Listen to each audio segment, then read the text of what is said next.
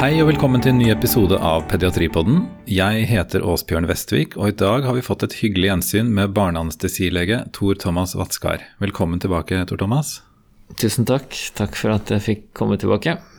Sist så snakket vi om prosedyrerelatert smerte og angst, og i dag er temaet smerte og smertelindring av barn. I en senere episode så vil vi snakke om palliativ behandling og kroniske smerter, og vil derfor i dag ha mer fokus på akutt smerte. Så da vil jeg gjerne starte å spørre om opplever barn smerte i like stor grad som voksne? Ja, det gjør de. Uh, og uh, man trodde jo uh, at barn At de minste barna hadde et umodent nervesystem og derfor opplevde smerte mye mindre. Og det trodde man faktisk helt frem til midten av 80-tallet. Så det er jo ganske skremmende å tenke på. Uh, svaret er at uh, barn opplever smerte i like stor grad som voksne. Mm. Men uh, det, det, har jo da vært underbehandlet tidligere og undervurdert. Er det fortsatt slik? smertebehandling er nok dessverre fortsatt underdiagnostisert og underbehandlet. Det var gjort en dansk studie for noen år siden av Walter Larsen som så på forekomsten av smerte på de fire største barneavdelingene i Danmark. Da tok de eh, valgte én dag, et døgn, hvor de så på de fire største barneavdelingene.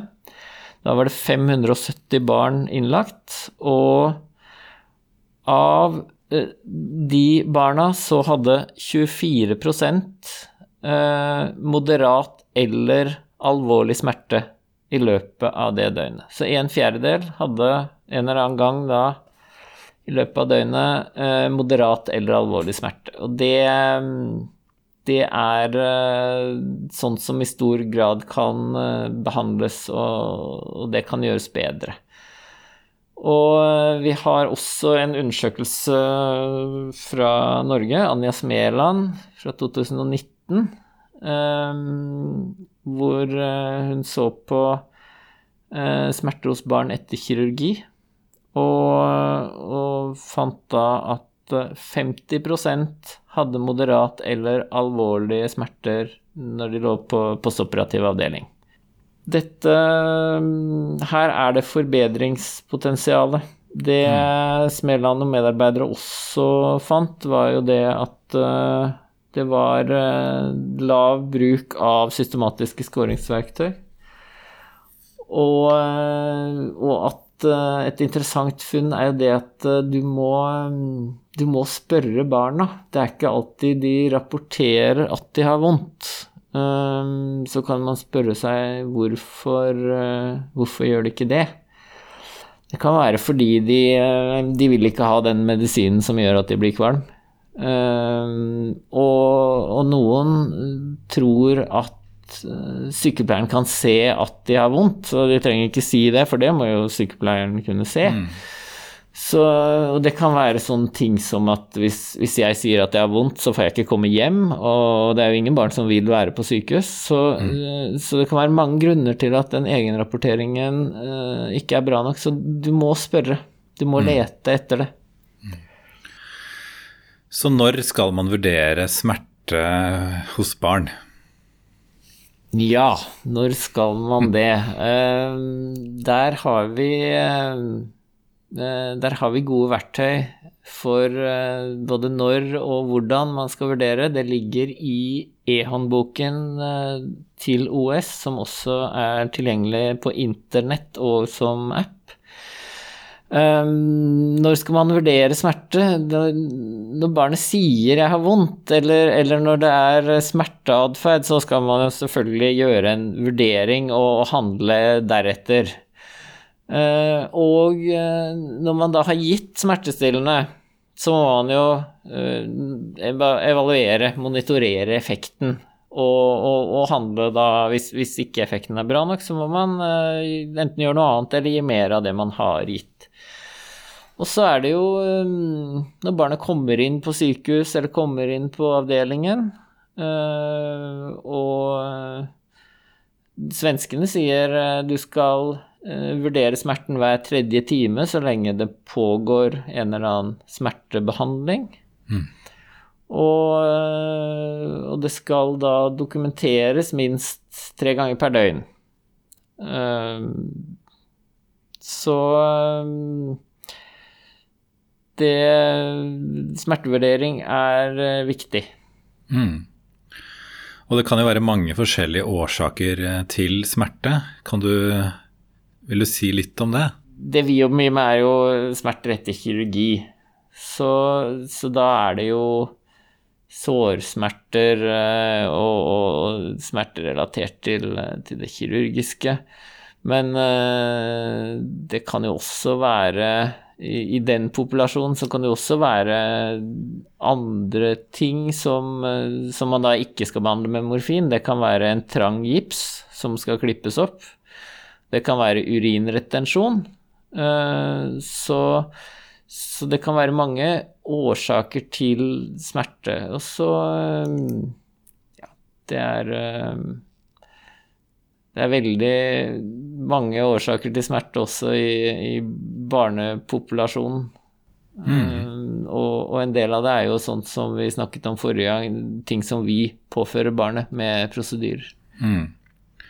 Men sånn som urinretensjon og sånn, er det kanskje ikke så lett for barn å sette ord på, så man må vite hva man skal lete etter. Mm. Hvilke spørsmål bør man da stille til barn hvis, uh, hvis, det rapporterer smerte, eller ser ut til å ha smerte? Er det annerledes enn uh, når vi spør voksne? Det blir jo aldersavhengig. Um, spør Spør om du har vondt. spør foreldrene. Foreldrene er en god samarbeidspartner, særlig hos de minste barna. Mm. Mm. Um, og observer Altså uh, se På de aller minste så ser du etter gråt, uh, ansiktsuttrykk, bevegelser i armer og ben. Um, ligger de med knyttede hender, ligger de med flekterte tær, lar de seg trøste? Um, andre ting, uttrykk for stress, det jo, kan jo være um, økt puls, økt blodtrykk.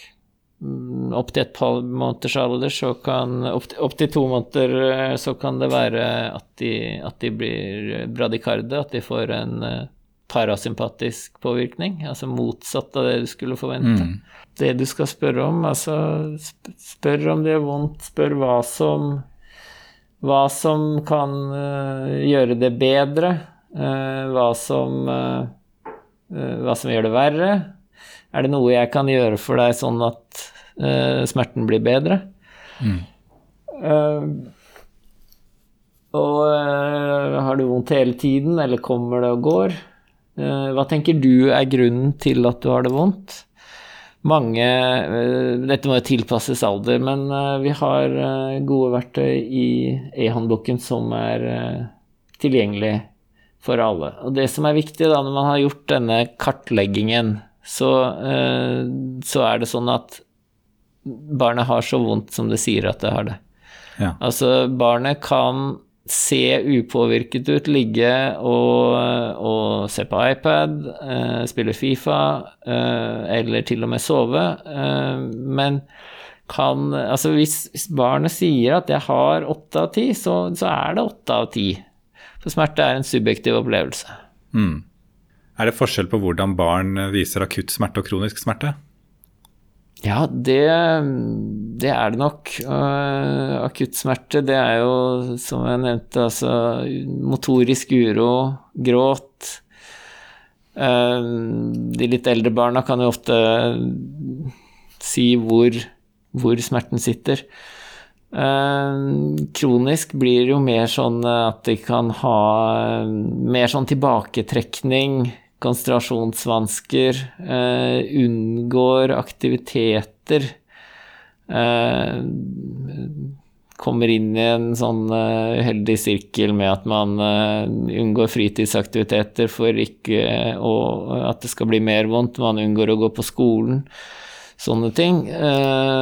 Så, det er litt annen Litt annet mønster, og det er jo også Når du snakker om de kroniske smertene, så er det jo mye fokus på mestring og, og dette at du skal gå på skolen, du skal Eh, så langt det er mulig gjøre fritidsaktiviteter, og, og, jo lenger ute i forløpet du kommer, desto mindre plass har uh, medikamenter, egentlig. Men det, det, er en helt annen Det er en helt annen historie.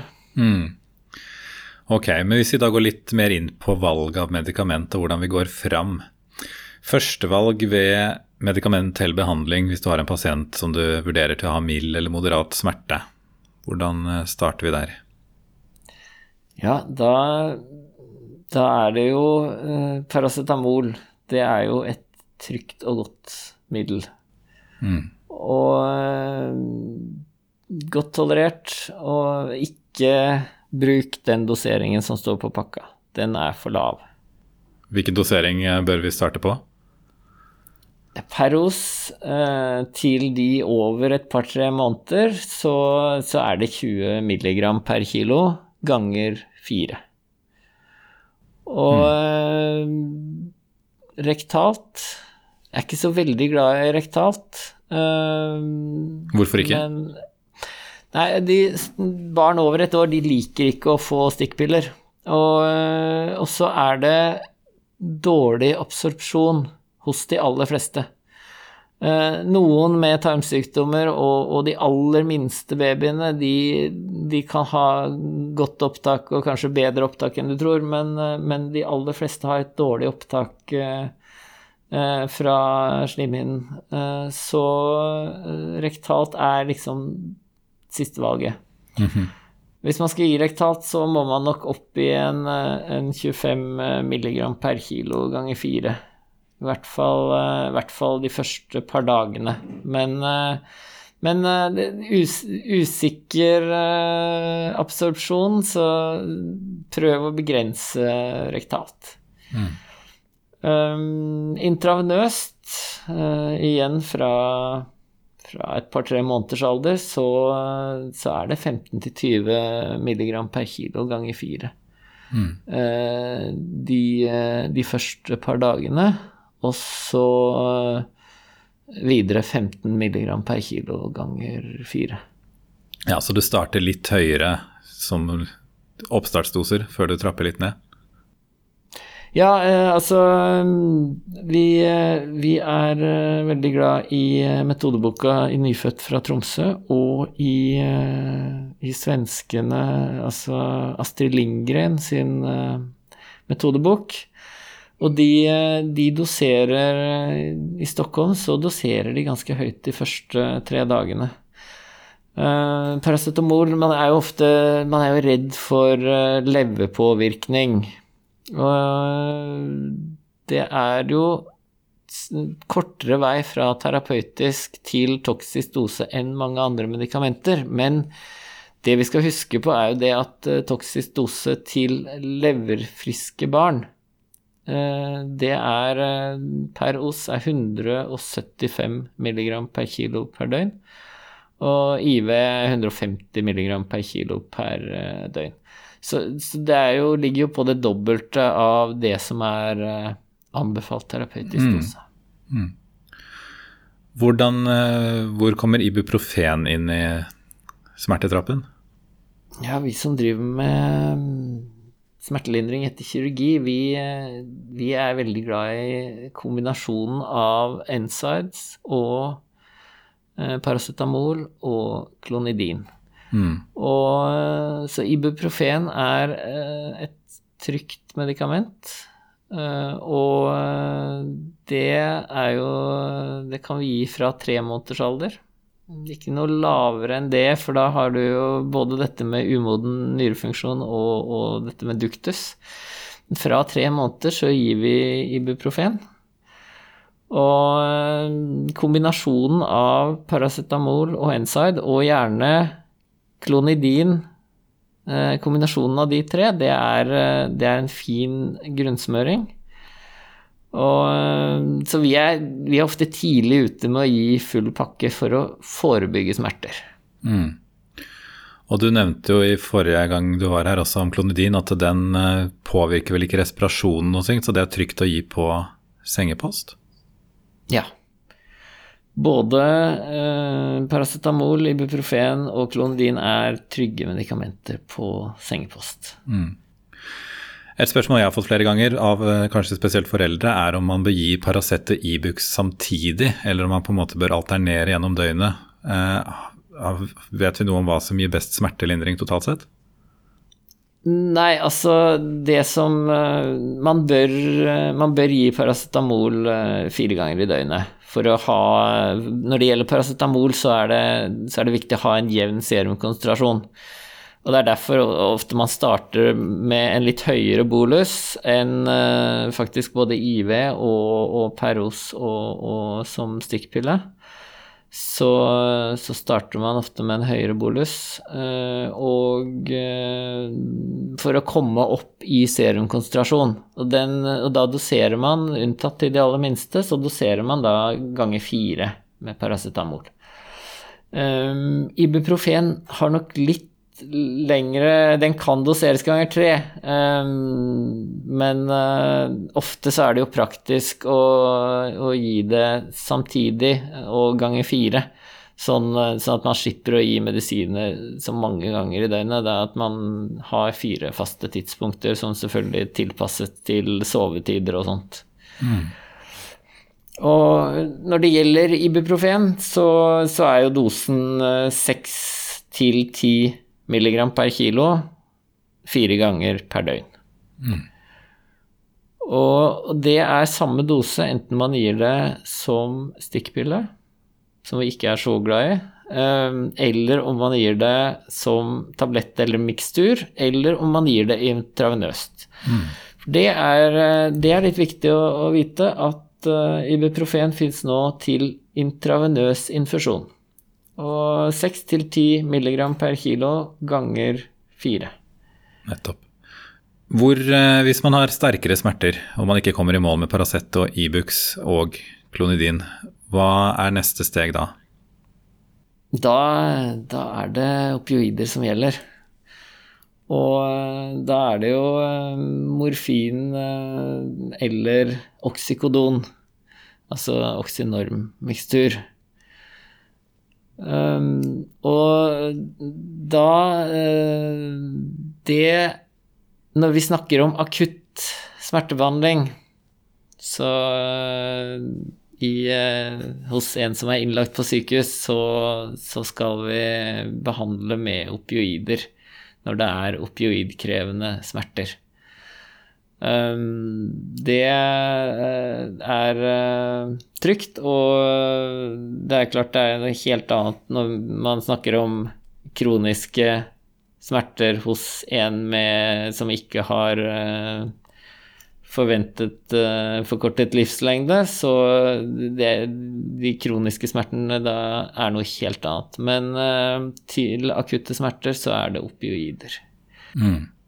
Og Er det her også per oss, eller er det intravenøst som er uh, førstevalg? Da er det per oss som er uh, førstevalg. Da, da, har man en grunnsmøring med, med de ikke-opioidene. Og så gir man opioider uh, fast, med faste intervaller. Og, og helst per oss. Da får man en jevn serumkonsentrasjon, jevn smertelindring gjennom døgnet. Mm. Har eh, tramadol og kodein noe plass i smertelindring hos barn? Eh, tramadol har svært begrenset eh, plass i smertelindring hos barn. Det, tramadol eller Nobligan det, det kan brukes eh, på noen perifere neuropatier. Og det kan brukes ved akutte buksmerter hos de med inflammatorisk tarmsykdom. Men det er, det er liksom Det er så begrenset som det. Uh, når det gjelder klonidin, så som i Paragin forte, Pinax forte, uh, det bruker vi ikke til barn. Det, kodein er jo et prodrug, så det, det virker fordi kroppen omdanner det til morfin. Og, og, der er det ganske stor forskjell i hvordan man omdanner. Det er et enzym som heter SYP2D6, som, som 10% av befolkningen ca. har ganske lav aktivitet av SYP2D6, og, og da vil de ikke omdanne kodein. Så, så, da får de en veldig dårlig smertestillende effekt. Samtidig som de kan få bivirkninger som kvalme og, og obstipasjon. Um, det som er enda verre, er de som har en veldig høy aktivitet av det enzymet. De vil omdanne mer kodein enn det du forventer, og, så de er jo i fare for å få en opioidoverdose med i verste fall uh, uh, respirasjonshemming. Mm. Så, så kodein bruker vi ikke til barn. Vi går rett på enten oksykodon eller morfin. Mm. Behøver ikke gi så mye oksykodon eller morfin, det tilpasser vi til, eh, til smerten, men, men, det er altså en, en, liten eller større dose sterke opioider. Mm. Og eh, ja, morfin og opioider kan jo gi bivirkninger. Du har nevnt noen. Hva er det vi skal være spesielt obs på når vi gir dette til barn? Det, eh, det alle er redd for, er jo respirasjonshemming. Eh, det, det kommer som regel i begynnelsen av behandlingen.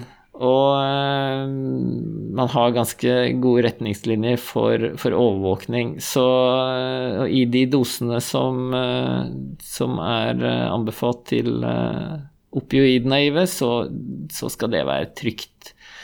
andre plagsomme bivirkninger, det er jo sånn som kvalme og obstipasjon.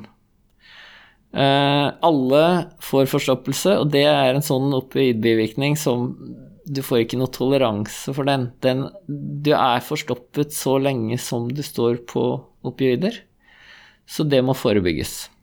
F.eks. For med Movicol. Så alltid forebygge forstoppelse når man behandler eh, barn eller voksne med opioider. Mm. Hva med kvalme? Bør vi også gi forebyggende kvalmestillende? eh, bør vel ikke gi forebyggende nødvendigvis. Vi, det gjør vi jo under en narkose, for da kan det være flere ting, flere medikamenter og flere forhold som kan utløse kvalme, så da gir vi forebyggende. Men eh, ellers så ville jeg nok sette an effekten litt og, og gi det ved behov. Mm. Ondansetron, sitron, altså sofran eller, eh, eller en eh, et antihistamin, eh, f.eks. Mm. Hvordan er det med bråseponering av eh, opioider til barn og risiko for abstinenser? Ja, det eh, Hvis man, hvis man har stått på opioider mer enn fem, seks, syv dager, så, så, bør det trappes ned. Da er det dårlig gjort å bråseponere. Um, og da Da uh, er jo også klonidin uh, noe som du kan sette inn for å, for å forebygge uh, abstinenser. Og så skal da behandlingen med opioider trappes ned. Og én tommelfingerregel, det er at man ser på hvor lenge har barnet stått på opioider. Hvor mange dager har barnet stått på opioider, så trapper man ned over like mange dager. Det er en grei tommelfingerregel. Eller så kan man eh, si at man tar ned 25% av dosen annenhver dag. Hvis, eh, hvis, det likevel blir abstinenser, så må man jo da gå et skritt tilbake. Mm. Um, og, og ta det litt roligere. Og uh, opioidabstinenser, det er ikke uh, hvis, hvis, det blir svette og, og diaré og veldig uro, skjelvinger, da er man kommet langt. Uh, så man, man, må prøve å fange det opp før det går så langt. Og da, da kan det være sånne ting som søvnvansker, som er et tidlig tegn på abstinens. Mm. Og der har man kanskje også verktøy for å score abstinens hos barn? systematiske verktøy, det, det har man. Uh, og det heter Watt-score, og, uh, og, det bør brukes uh, i, i, nedtrappingen etter opioidbehandling som har stått over litt tid. Ja. Hva med smerteplaster? Er det noe vi kan bruke til barn? Da slipper de å både ta medisiner i munnen og stikk?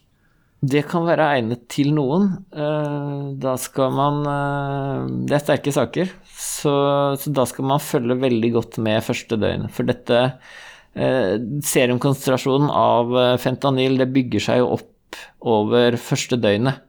Så da skal man passe godt på at, at det ikke blir noe overdosering. Mm. Så, men til, til, visse pasientgrupper så kan det være egnet. Ja. Dersom et barn har nevrogen smerte, hvordan finner vi ut av det, og skal vi da tenke annerledes? Ja, øh, nevrogen smerte er jo øh, Kan jo være vanskelig både å fange opp øh, og å behandle. I motsetning til de vanlige nosiseptive smertene.